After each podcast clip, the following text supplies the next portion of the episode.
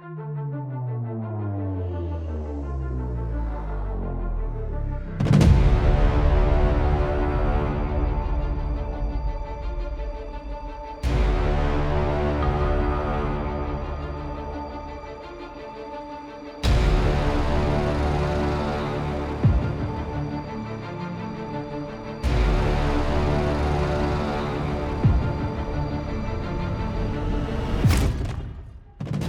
Cześć, witam na moim kanale. Ja mam na imię Piotrek i zapraszam Cię serdecznie do odsłuchania jednego z odcinków mojej audycji pod tytułem Stenogramy zbrodni.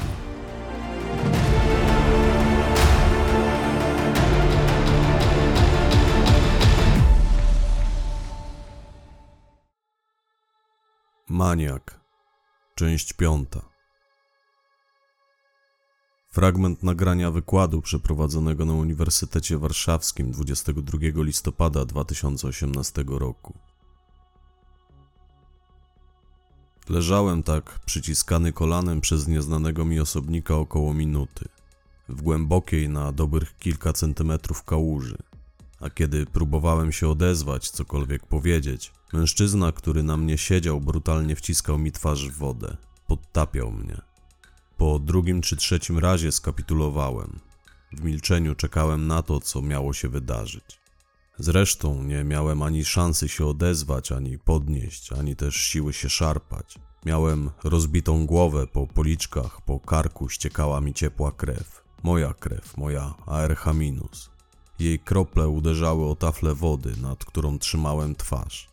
I on mnie tak trzymał w tej kałuży, aż przesiąkło mi całe ubranie, nawet plecak, w którym miałem portfel z dokumentami, ksera z biblioteki, parasol i kilka innych pomniejszych przedmiotów. Nawet ten plecak cały przemógł. W minutę.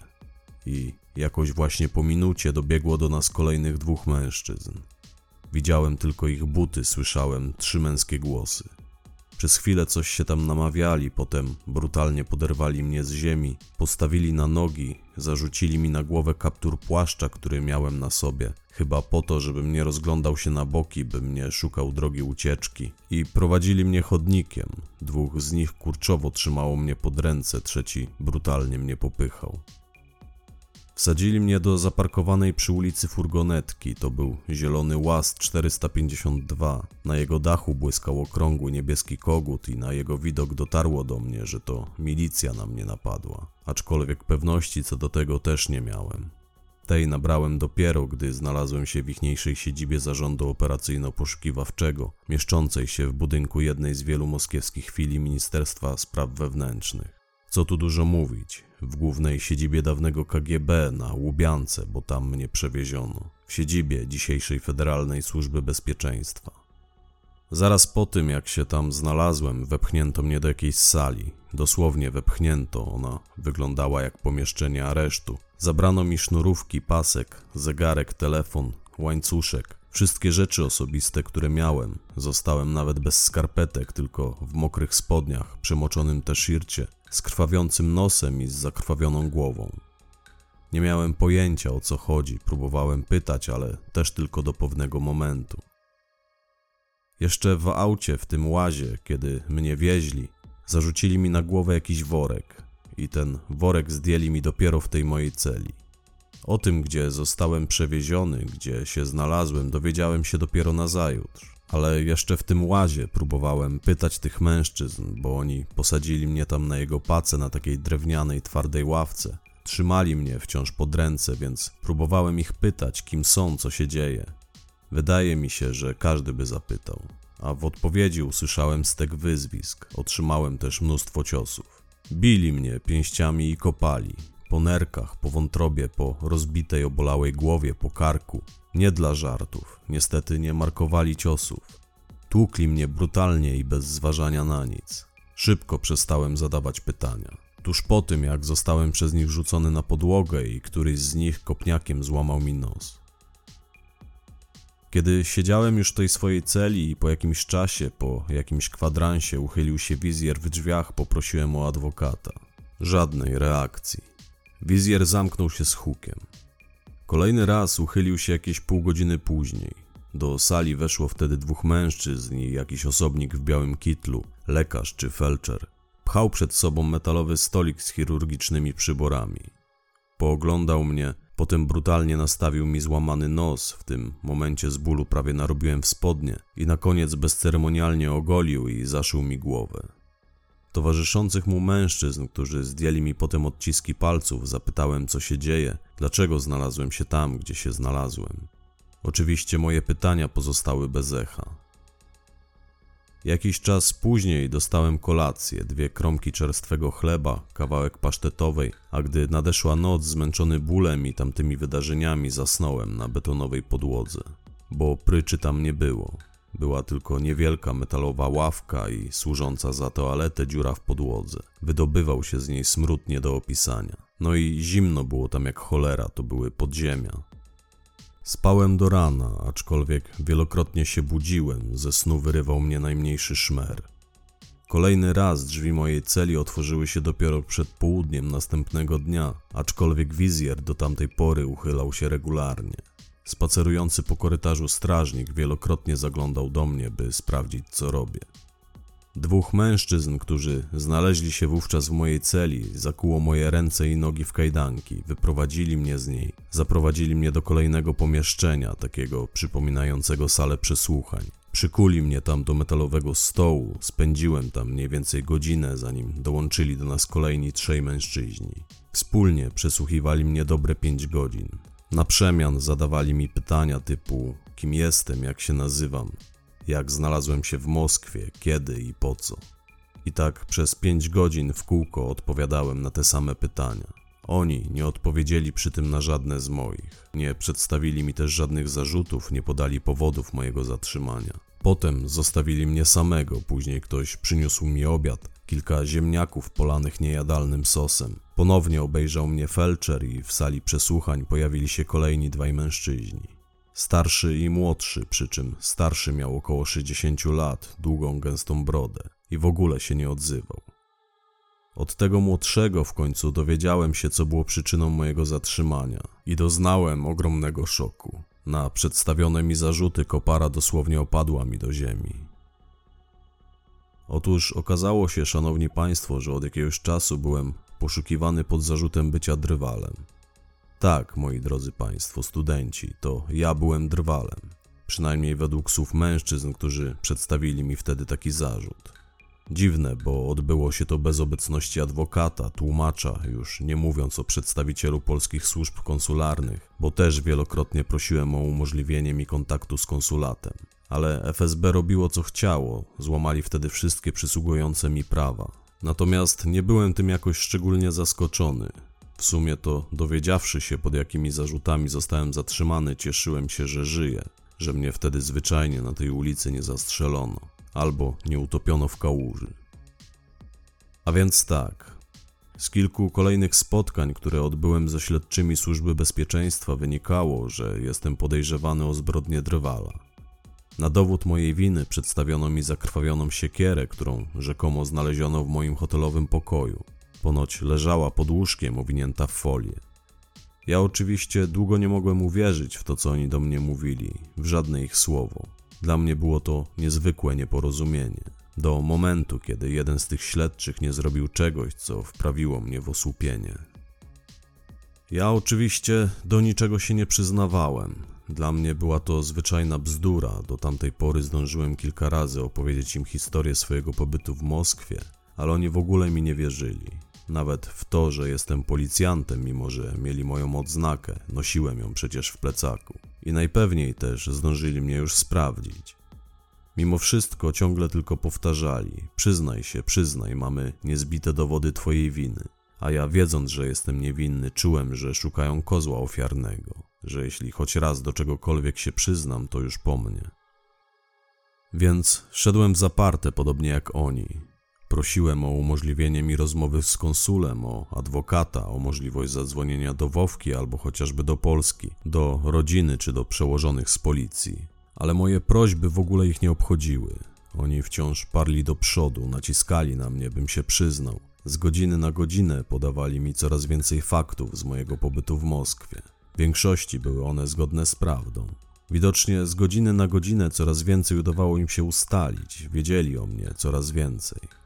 I pamiętam taki moment, kiedy po raz kolejny opowiedziałem tym śledczym historię mojego pobytu w Moskwie. Powtórzyłem, że jestem policjantem z Polski, że wszystko można sprawdzić.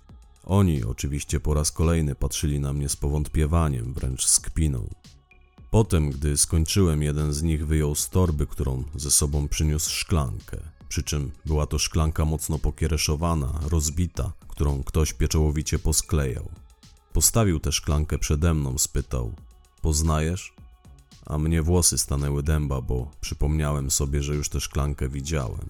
To była szklanka, a w sumie jedna z dwóch szklanek, które zabraliśmy z Wowką z miejsca pierwszej zbrodni Drwala, jedna z tych, które rozbiły mi się spadając na chodnik.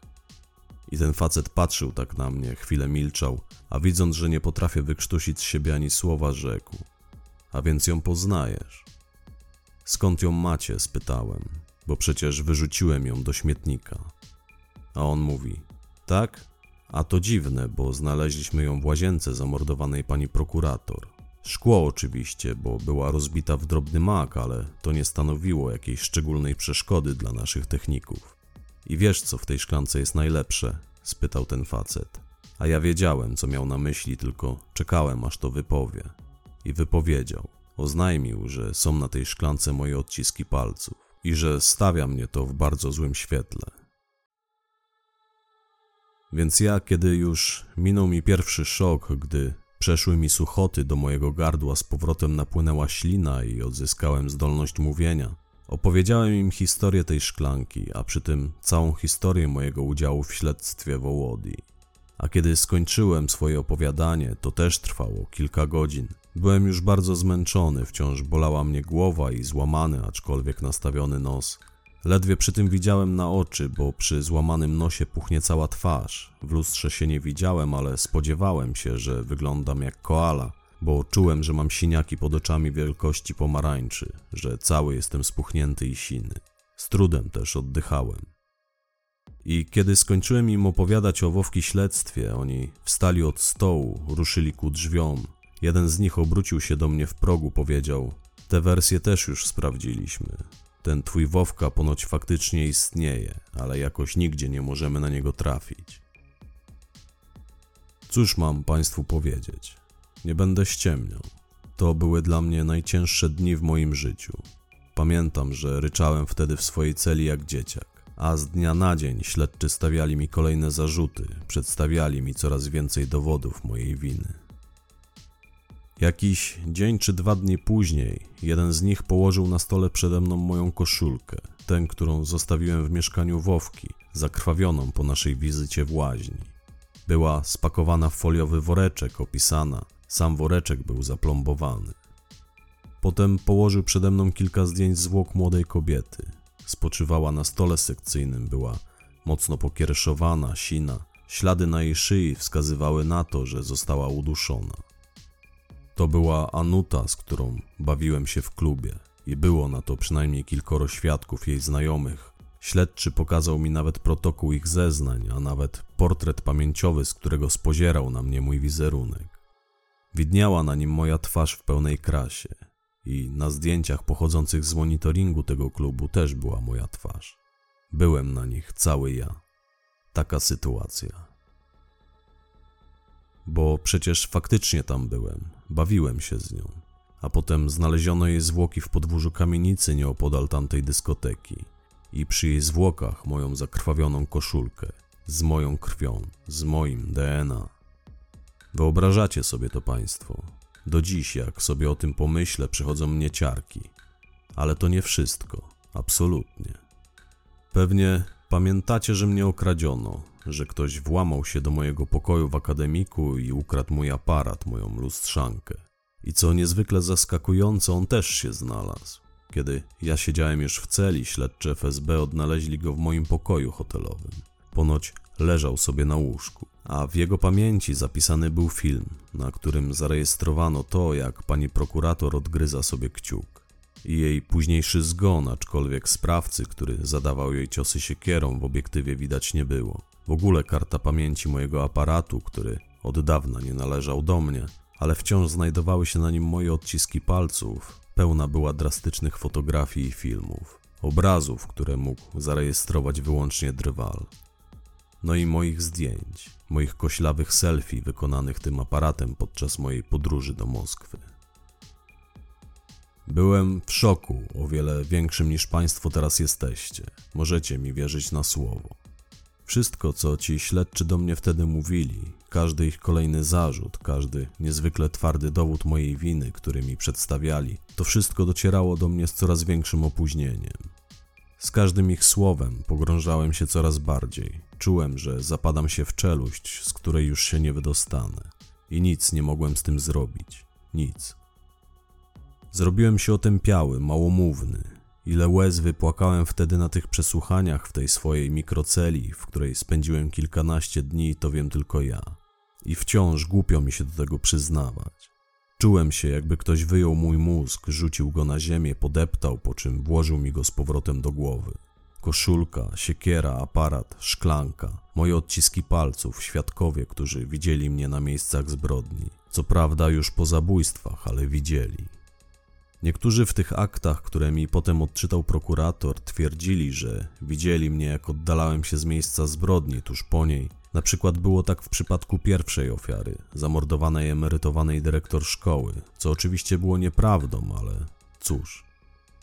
Świadkowie gadali od rzeczy, zawsze gadają, gdy targają nimi emocje, ale opisywali mnie bezbłędnie, z pewnością na rozpoznaniu też wskazaliby mnie bez wahania a samo okazanie było jeszcze przede mną.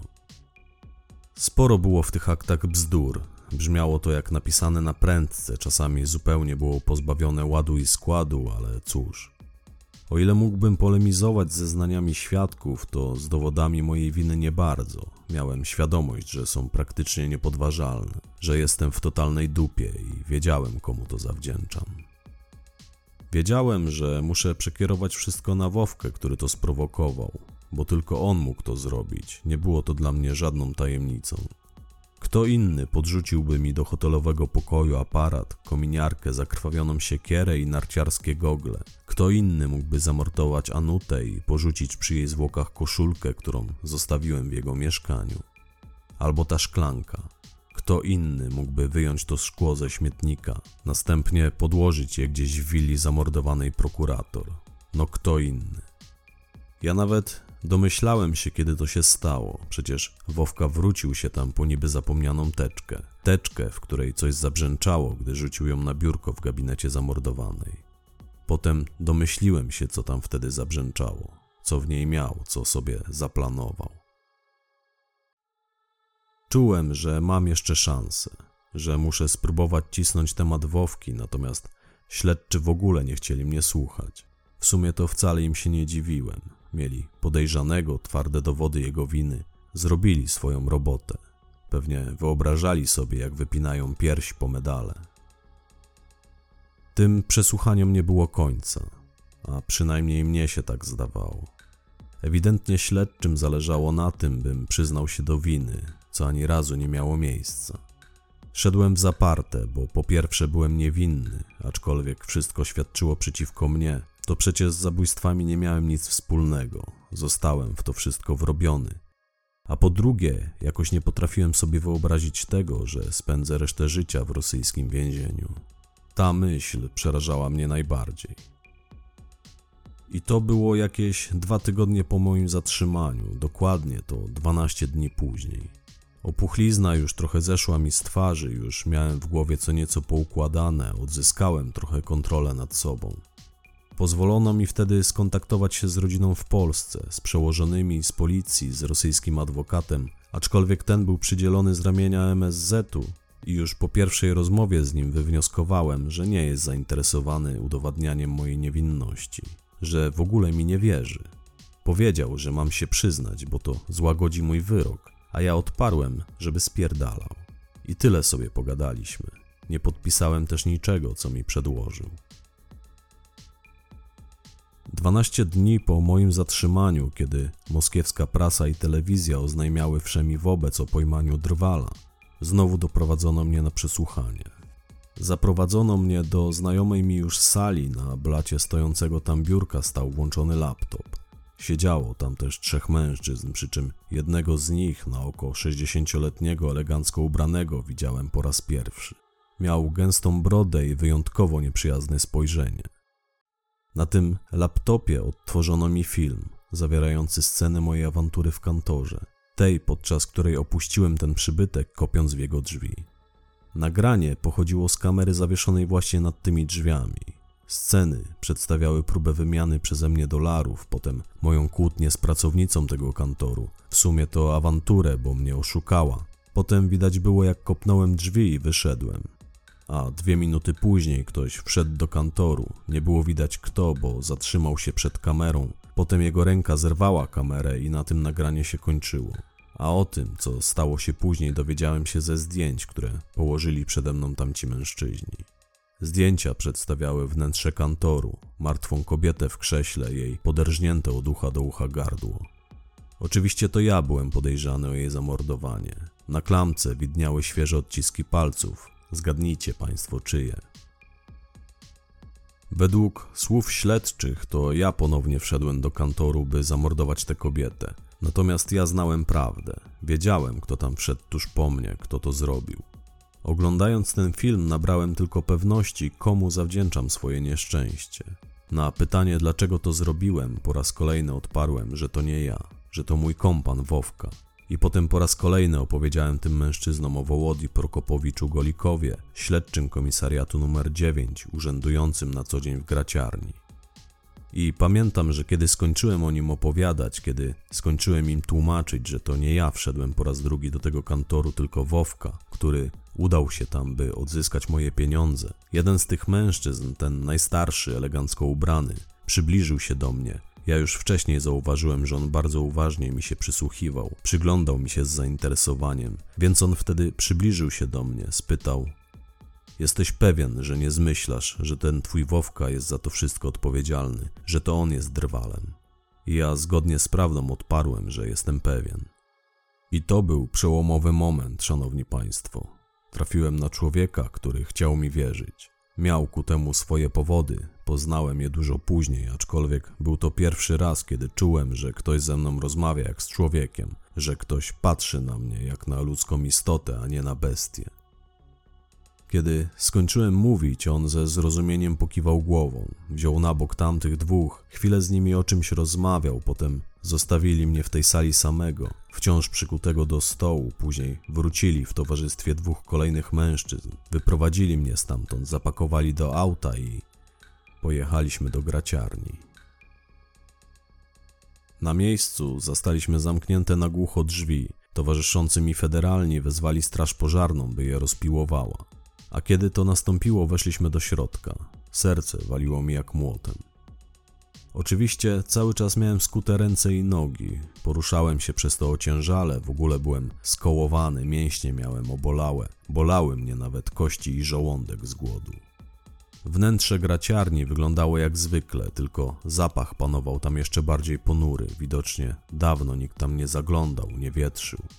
W pierwszej kolejności znaleźliśmy się przy tablicy, na której widniały powieszone przez dzielnicowego Wowkę zdjęcia.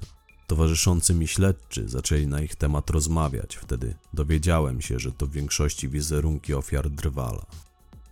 Spod tych papierów śledczy wygrzebali jeszcze kilka zdjęć, których wcześniej nie widziałem. Była tam fotografia pierwszej ofiary drwala, o której ani ja, ani media nie miały pojęcia. Dopiero później dowiedziałem się, że pierwszą ofiarą był felczer pracujący w jednej z moskiewskich przychodni. Dopiero później dowiedziałem się też, że wszystkie te ofiary łączyła pewna sprawa. W każdym razie pośród zdjętych przez śledczych z tablicy zdjęć widniało jedno, któremu dość długo się przyglądałem. Patrzyłem na nie i patrzyłem, potem przeniosłem wzrok na stojącego obok mnie mężczyznę, tego eleganckiego. Powiedziałem: To przecież pan. A on spojrzał mi w oczy, odrzekł: Masz rację, to ja, tylko nikomu nie mów. Dodał, po czym szyderczo się uśmiechnął, obrócił i ruszył w kierunku drugiego pomieszczenia. I zdurniałem. Miałem taki mętlik w głowie, że nie wiedziałem, co o tym wszystkim sądzić. Wciąż miałem nadzieję, że to tylko zły sen, a ja prędzej czy później się z niego wybudzę. W pewnym momencie znaleźliśmy się w sąsiednim pomieszczeniu graciarni, w którym w sumie nigdy nie byłem.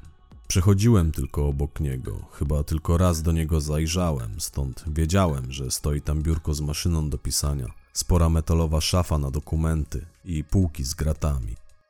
Federalni zaczęli grzebać w tych gratach. W ogóle tam zjechało się już wtedy sporo ludzi, w tym pięciu czy sześciu techników kryminalistycznych. W pewnym momencie jeden z nich powiedział: Ale tu śmierdzi, a drugi trupem.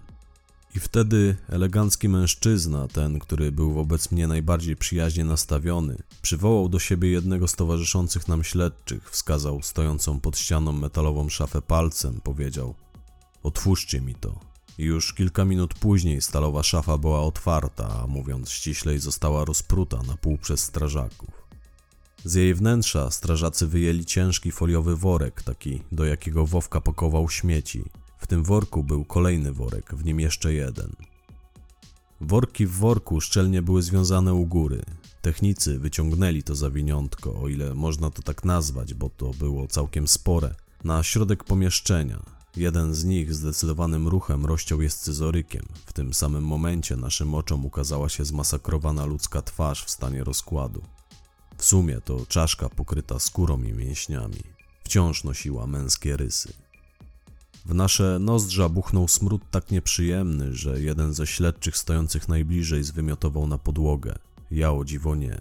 O dziwo wytrzymałem. Zresztą od dawna praktycznie nic nie przechodziło mi przez gardło, tym bardziej to parszystwo, którym karmiono mnie w areszcie. Stąd też miałem pusty żołądek i pewnie nawet gdybym chciał, to nie dałbym rady zwymiotować. Staliśmy tak wszyscy przez chwilę, w milczeniu spoglądaliśmy na te zwłoki. Potem technicy rozcięli worek do końca, wyjęli, właściwie to wytrzepali te na wpół zmumifikowane zwłoki na podłogę graciarni. Mimo, że należały do dorosłego mężczyzny, rozmiarem przypominały ciało dziecka, były wysuszone w stanie zaawansowanego rozkładu, miejscami pozbawione skóry, nadgnite, sinobordowe, sztywne. Ciało przybrało pozycję skuloną, jakby embrionalną.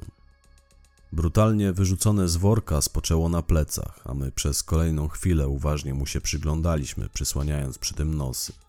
Kątem oka zauważyłem, jak stojący obok mnie elegancko ubrany mężczyzna wyjął z kieszeni jakiś niewielki słoiczek, nabrał z niego na palec białą maść, posmarował nią okolice czubka nosa.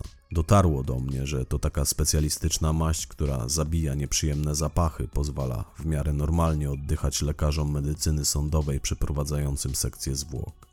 Potem ów mężczyzna podszedł do leżącego na podłodze denata, przepychając go nogą obrócił go na brzuch. Śledczemu stojącemu obok niego wyjął z rąk latarkę, pochylił się nad denatem, poświecił na tatuaż na jego przedramieniu, potem znów uklęknął przy nim, poświecił na jego twarz, przyjrzał mu się dokładnie. Wyprostował się, oddał mężczyźnie latarkę, obrócił się na pięcie, spojrzał mi w oczy, powiedział do mnie: Wołodia Prokopowicz Golikow, ten prawdziwy, możesz się z nim zapoznać, jeśli chcesz.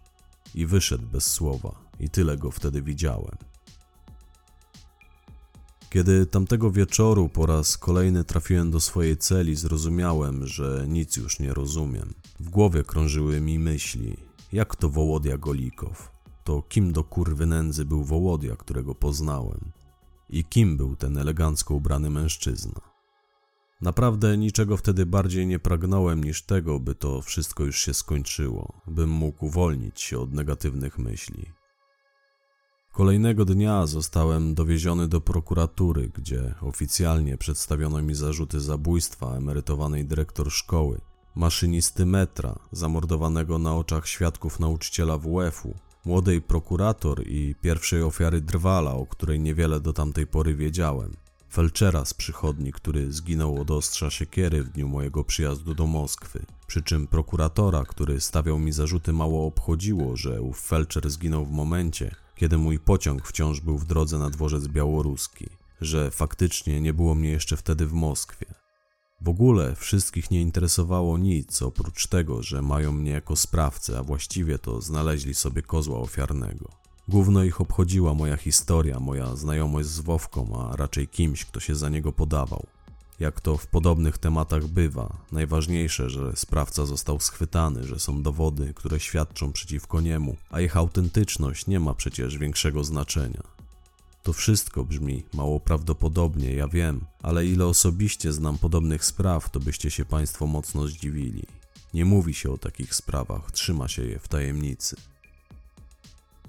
Po tym jak przedstawiono mi zarzuty, oprócz zamordowania osób, które przed chwilą wymieniłem, obwiniono mnie też o śmierć Anuty oraz pracownicy kantoru. Ja oczywiście do żadnego z tych zabójstw się wówczas nie przyznałem. Ostatecznie na nikim nie zrobiło to większego wrażenia. Po moim stanowczym niczego nie podpiszę. Zwyczajnie wyprowadzono mnie z budynku prokuratury i wepchnięto do więźniarki, którą miałem zostać przewieziony do aresztu. Już oficjalnie do aresztu jako podejrzany, okrzyknięty drwalem. Więc wsadzono mnie do więźniarki, ta wolno ruszyła spod budynku prokuratury. Ja przybity, w depresyjnym nastroju, bez jakiejkolwiek nadziei na happy end. Byłem na tyle oderwany od rzeczywistości, że nie zauważyłem, iż nie jestem w tej więźniarce sam, że wraz ze mną podróżuje w jej wnętrzu jeszcze ktoś. I kiedy usłyszałem, jak do mnie przemówił, z wrażenia aż podskoczyłem na ławce, na której siedziałem, prawie pod sufit. To był męski głos, głos, który już znałem. Rozpoznałem w tym głosie i w ciemnym obrazie jego sylwetki, bo na pace więźniarki było zupełnie ciemno, ona nie miała żadnego okna. W sumie to miała nawet kilka małych okienek, ale były one zamalowane ciemną farbą, więc po głosie i po sylwetce rozpoznałem eleganckiego mężczyznę. A on, żebym miał świadomość z kim rozmawiam, wyjął z kieszeni marynarki telefon, smartfona, włączył w nim lampkę, położył go sobie na kolanach, kierując światło na swoją twarz. Potem wyjął z kieszeni niewielkie zdjęcie, przybliżył je do mnie, przyświecił na nie, spytał: Przyjrzyj się dobrze, to jest ten twój Wowka? A ja wpatrywałem się w to zdjęcie i za nic na świecie nie mogłem na nim rozpoznać mojego niedawnego przyjaciela.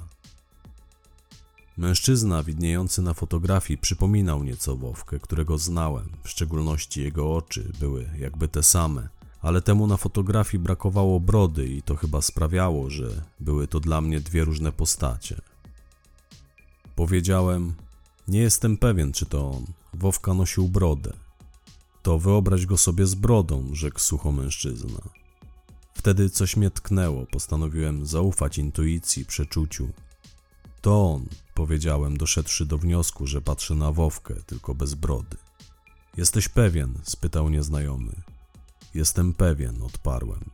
Wtedy on schował fotografię, głęboko westchnął, wyjął z kieszeni papierosy, podsunął mi paczkę pod nos, ale ja wówczas nie paliłem. Pokiwałem głową, że nie chcę. On zapalił, zaciągnął się dymem. A tatuaż jakiś miał? zapytał nieoczekiwanie. Miał. Miał wytatuowane pod okiem dwie łzy, odparłem. A więc żyje ten skurwysyn, zaklął Anton i zamilkł. I tak patrzyłem na jego sylwetkę przez dłuższą chwilę, potem nie wytrzymałem. Powie mi pan, o co tu do kurwy nędzy chodzi i kim jest ten człowiek? Powiedziałem, ale bez jakiejkolwiek nadziei na to, że usłyszę odpowiedź. Tym bardziej byłem zaskoczony, gdy z ust mężczyzny padło. Mężczyzna ze zdjęcia to Maksym Antonowicz Arsenicow, człowiek, który od jakiegoś czasu pozostawał martwy, a przynajmniej tak nam się wszystkim wydawało. Teraz okazuje się, że on żyje, narobił sporo bałaganu i zniknął bez śladu. Jeśli pomożesz mi go znaleźć, ja pomogę tobie otrząsnąć się z koszmaru, w którym aktualnie funkcjonujesz. Pomogę ci oczyścić się z zarzutów, przy czym będziesz miał tylko jedną szansę. Jak to mam panu pomóc go znaleźć? wtrąciłem. Normalnie, odrzekł mężczyzna. Muszę go znaleźć, zanim zamorduję kolejną osobę, a przynajmniej potwierdzić jego tożsamość. A ty musisz mi w tym pomóc. Najlepiej bez zadawania zbędnych pytań. To jak będzie? Chcesz sobie pomóc czy nie? spytał mężczyzna.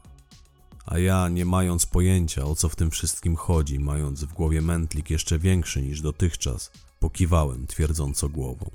Nie miałem przecież nic do stracenia. Pomyślałem wtedy, że nawet jeśli siedzący przede mną elegancko ubrany człowiek zamierza wrobić mnie w kolejną chryję, to i tak nie mam nic do stracenia. Nie grozi mi już nic gorszego niż dożywocie w jakiejś psiej budzie na Syberii. Zrobię co pan zechce, powiedziałem, mając przeczucie, że powinienem mu zaufać.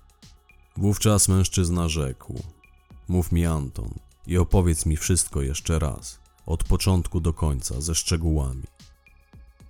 Więc mu opowiedziałem, a kiedy skończyłem, brutalnie zgasił na podłodze furgonetki papierosa, którego wówczas palił, po czym uderzył pięścią w metalową ścianę dzielącą pakę więźniarki od kabiny kierowcy. Sekundę później uchylił się w niej niewielki wizjer, wleciało przez niego do nas trochę światła. Panowie, tak jak się umawialiśmy, oznajmił Anton, a wizjer natychmiast się zatrzasnął. Nie miałem pojęcia o co chodzi, już miałem się odezwać, zapytać co teraz, kiedy poczułem, że więźniarka gwałtownie skręca i zaczyna mocno podskakiwać na jakichś wertepach. Lepiej chwyć się czegoś, usłyszałem i w momencie, gdy kurczowo chwytałem się ławki, na której siedziałem, furgonetka z impetem się zatrzymała. W sumie to gwałtownie uderzyła w coś, co nas zatrzymało. Kolizja z drzewem, bo potem okazało się, że zderzyliśmy się z rosnącym przy drodze drzewem, była na tyle mocna, że spadłem z ławki i przyrżnąłem, na szczęście tylko plecami, o ścianę dzielącą pakę od kabiny. Zaraz po tym, jak doszło do kolizji, tylne drzwi się otworzyły, do wnętrza furgonetki wszedł jeden ze eskortujących mnie klawiszy, pomógł wydostać się z niej eleganckiemu, potem mnie. Gdy znaleźliśmy się na zewnątrz, rozejrzałem się dookoła. Znajdowaliśmy się poza miastem, nieopodal zjazdu na obwodnicę Moskwy. Jeden z klawiszy zaczął rozpinać mi kajdanki, ale powstrzymał go Anton. Chwycił tamtego za rękę, odciągnął ją, spojrzał mi prosto w oczy, powiedział: Od teraz jesteś zbiegłym z konwoju wielokrotnym mordercą, którego szukać będzie cała Rosja. Jeśli mi nie pomożesz, spróbujesz wykręcić mi jakiś numer, tak pozostanie po wsze czasy. Natomiast jeśli mi pomożesz, oczyszczę cię z zarzutów. Zrozumieliśmy się, spytał, a ja bez chwili wahania pokiwałem twierdząco głową. Nie próbuj żadnych głupot, dodał, gdy klawisz odpinał łańcuch, którym miałem skute nogi. Kiedy oddalaliśmy się z tego miejsca, tylko nasza dwójka, ja z Antonem, bo klawisze zostali przy rozbitym aucie, Anton wyjął z kieszeni marynarki komórkę, dokąd się zadzwonił. Potem szliśmy wtedy przez pola w kierunku miasta, w sumie to brnęliśmy w tym pieprzonym błocie. Chwycił mnie za kaptur, bo szedłem kawałek przed nim i nakierował mnie na wysoki komin, który widniał przed nami w odległości około kilometra. To był teren jakiejś nieistniejącej już fabryki, w sumie znajdowały się tam tylko jej ruiny, no i ten wysoki, zniszczony zębem czasu komin. To jest stara mleczarnia, powiedział Anton, gdy znaleźliśmy się na jej terenie. Poczekamy tutaj na transport, dodał i czekaliśmy, chowając się za kominem, tak by nie było widać naszych sylwetek od strony miasta. Po jakichś 40 minutach, kiedy w pobliżu zaczęły krążyć na sygnałach milicyjne radiowozy, gdy rozpoczął się już pościg za zbiegłym drwalem, zauważyłem nadlatujący w naszym kierunku wojskowy śmigłowiec. Instynktownie przycupnąłem za kominem, ale Anton zrobił coś zupełnie odwrotnego. Mianowicie wyszedł z ukrycia, stanął pośrodku placu, na którym się znajdowaliśmy, zaczął machać rękoma, sprowadzając tym samym śmigłowiec na ziemię. To był ciężki śmigłowiec bojowy Mi-24, w pełni uzbrojony, wyglądał jak latający czołg. Kiedy ten wylądował i Anton nakazał mi do niego wsiąść, spytałem, dokąd właściwie lecimy? Aż pod Kazachstan, do Solilecka, odparł i natychmiast dotarło do mnie, że mowa o miejscowości, w której Wowka czy też Maksym, bo już sam nie wiedziałem jak mam nazywać osobnika, który mnie w to wszystko wplątał, odbywał wyrok. Ale po co tam lecimy? dopytałem, gdy znaleźliśmy się wewnątrz śmigłowca, a ubrany w mundur żołnierz zasuwał drzwi, przez które wsiedliśmy. Ten sam żołnierz oddał Antonowi honory, nazwał go przy tym pułkownikiem. Lecimy tam, bo muszę mieć stuprocentową pewność, że nie robisz mnie w chuja, oznajmił Anton, gdy odrywaliśmy się od ziemi. Lecieliśmy i lecieliśmy, z jednym międzylądowaniem w rosyjskiej bazie wojskowej, gdzie śmigłowiec uzupełnił paliwo. Moskwę od Solilecka dzieli odległość 1500 km. Pokonaliśmy ją w kilka godzin. Większość tego czasu spędziliśmy w milczeniu, chwilę nawet obaj spaliśmy, bo kanapy w śmigłowcu były dość wygodne, ale był też moment, nawet dość długi, kiedy udało nam się ze sobą porozmawiać. Oczywiście wszystko, o czym mówiliśmy, kręciło się wobec sprawy, w którą byłem zamieszany. W pewnym momencie Anton zdobył się na szczerość, powiedział mi, kim tak naprawdę był Wowka, aczkolwiek całej prawdy też mi nie wyznał. Jeszcze o wielu ważnych aspektach całej tej historii dowiedziałem się dopiero później. Ale w tamtym momencie poznałem historię Maksyma, który po zamordowaniu dawnego przyjaciela przejął jego tożsamość i stał się Wołodią Golikowem. Historia, szanowni państwo, jest dość skomplikowana, ale całkowicie prawdopodobna, co więcej prawdziwa. W końcu doświadczyłem jej na własnej skórze. Opowiem wam ją w skrócie, bo zostało nam niewiele czasu. W sumie to już dawno skończył nam się czas. Zaraz pewnie zjawi się woźny i nas stąd wygoni, więc krótko. Wołodia Golikow to tak naprawdę Maksym Antonowicz Arsenicow. Były funkcjonariusz nawet nie milicji, a Federalnej Służby Bezpieczeństwa, a jego historia była następująca. Zgodnie z tym, co on sam mi powiedział, bandyci, których ścigał, zamordowali mu żonę. Zaatakowali ją pod szkołą, do której przyjechała, by odbyć z dziećmi zajęcia w zastępstwie kolegi. Ten miał się tego dnia rozchorować, a dyrektor szkoły, kobieta, która zginęła w fotelu, nie mając innego pomysłu na zastępstwo, postanowiła ściągnąć z urlopu ciężarną żonę Maksyma. Tym samym przyczyniła się niejako do jej śmierci i ponoć Maksym oszalał. Zwariował całkiem zaraz po pogrzebie. Przestał pojawiać się w pracy, zaczął na własną rękę szukać sprawców i zgodnie z tym, co on sam mi powiedział, znalazł ich i dokonał zemsty. Strasznej zemsty, krwawej i brutalnej, za co sąd skazał go później na dożywocie, nie mając żadnych wątpliwości co do tego, że to jedyna kara, jaka mu się należy. Natomiast wbrew jego późniejszym słowom nie ułaskawił go prezydent. Oficjalnie zginął w wyniku zawalenia się tunelu w kopalni soli, w której pracował, będąc więźniem. Od tamtego momentu świat o nim zapomniał, do czasu, gdy znów dał o sobie znać jako drwal. I późniejszymi ofiarami drwala były osoby figurujące w sprawie śmierci jego małżonki, ówczesna dyrektor szkoły, która ściągnęła ją z urlopu do pracy wręcz pod groźbą jej utraty, nauczyciel WF-u, ten zamordowany w biały dzień na placu zabaw, który tamtego dnia miał się rozchorować i wziął wolne, a w rzeczywistości leczył kaca, bo już wówczas miał problem z alkoholem, o czym wszyscy dookoła wiedzieli. Ofiarą Maksyma padł też felczer, który tamtego dnia wypisał temu nauczycielowi zwolnienie lekarskie. Mężczyzna, który zginął w tunelu metra, motorniczy, maszynista, czy jak go tam zwać, był wówczas kierowcą miejskiego autobusu, który, widząc płonący pod szkołą samochód żony Maksyma, ruszył jej z pomocą jako jeden z pierwszych. Niestety nie zdołał jej pomóc ani on, ani pasażerowie autobusu. Zamordowana młoda pani prokurator, wbrew temu co sądziłem słuchając tej historii, nie była osobą, która postawiła Maksyma przed sądem. To nie za to zemścił się na niej. Śmierć spotkała ją za to, że w przeszłości wypuściła z aresztu mężczyzn, którzy zamordowali Maksymowi żonę. On ich wcześniej przymknął, a ona kilka dni później wypuściła na wolność. Gdyby tego nie zrobiła, możliwe, że Maksym szczęśliwie wychowywałby do dziś córkę, a dziewczyna z klubu i kobieta z kantoru, jak stwierdził Anton, Maksym zabił je w krwiożerczym widzie, z rozpędu, z wściekłości, a jednocześnie po to, by przekierować na mnie wszelkie podejrzenia, by doprowadzić do schwytania mnie, by móc przerzucić potem na mnie wszystkie swoje występki, a samemu pozostać bezkarnym. Wiedział, że wszystko ujdzie mu na sucho, gdy media okrzykną mnie drwalem. I dopiero po tej mojej rozmowie z Antonem w śmigłowcu zrozumiałem, z kim miałem w ostatnim czasie do czynienia z jakim furiatem, bestią, maniakiem woziłem się po mieście i jak dałem mu się podejść jak dziecko, w efekcie zaufania, którym go obdarzyłem. Ale on też świetnym okazał się być aktorem. Na tyle doskonałym, że szczerze go polubiłem, że gotów byłem o nim mówić, mój przyjaciel Wowka.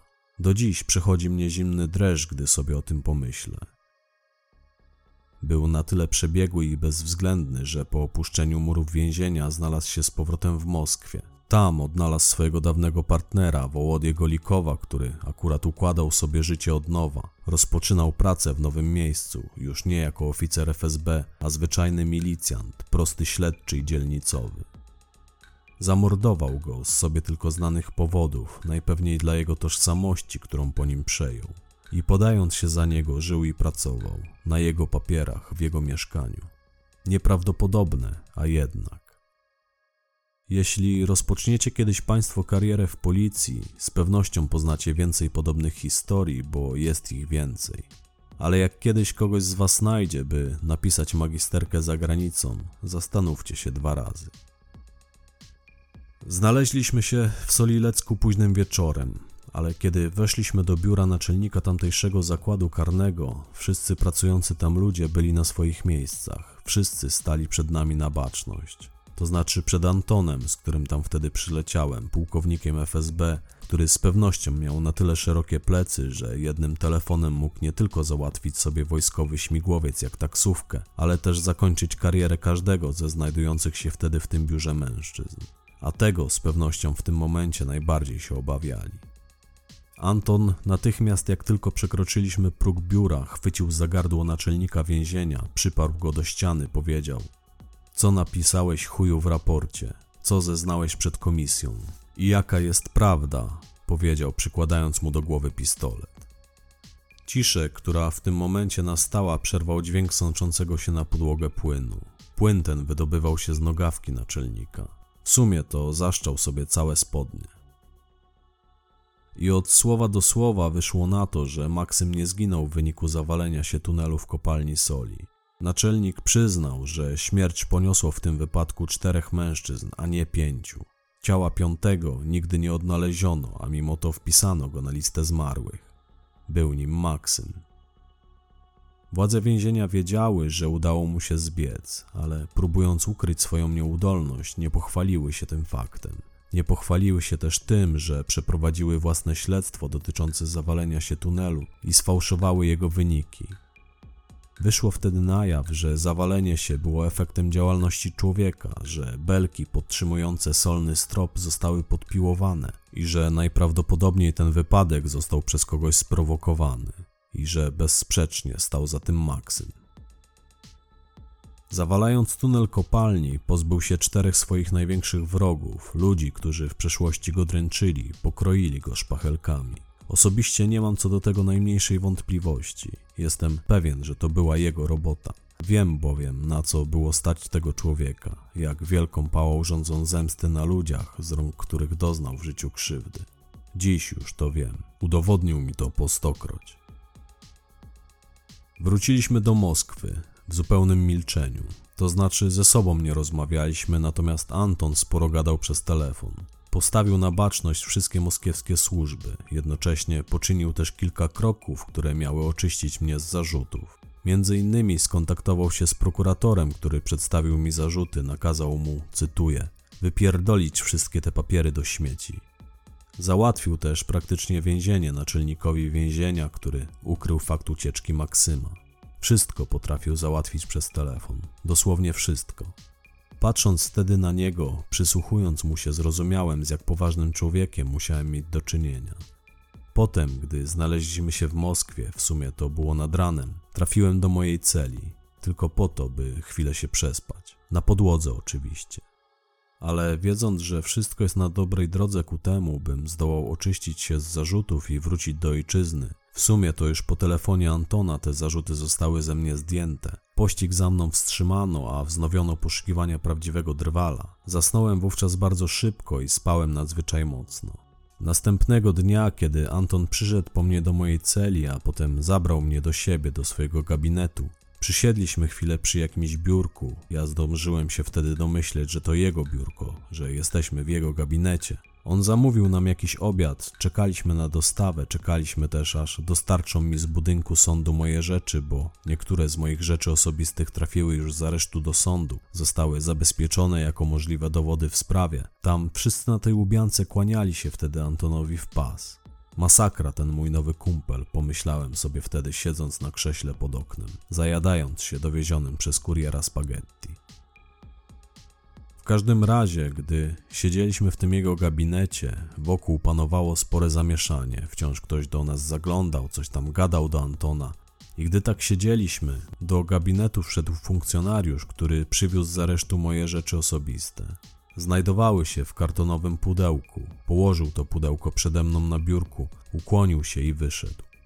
A ja jakiś czas później zajrzałem do tego pudełka. Nieco zdziwiony wyjąłem z niego telefon, który nigdy nie należał do mnie. Po raz pierwszy widziałem go na oczy.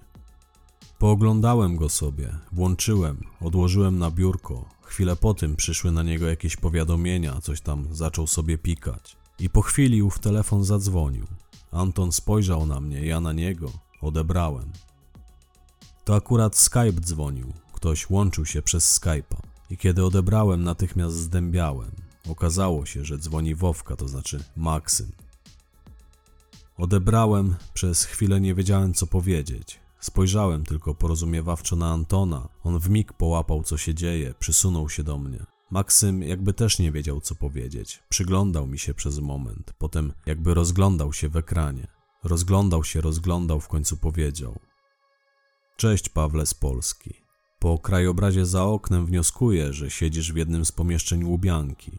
Po kominie ciepłowni i pobliskich mu zabudowaniach, które widać w oddali, mogę przypuszczać, że przebywasz na drugim piętrze w gabinecie numer 12, należącym do Antona Anatoliewicza Arsenicowa, naczelnika 5 Wydziału Spraw Wewnętrznych.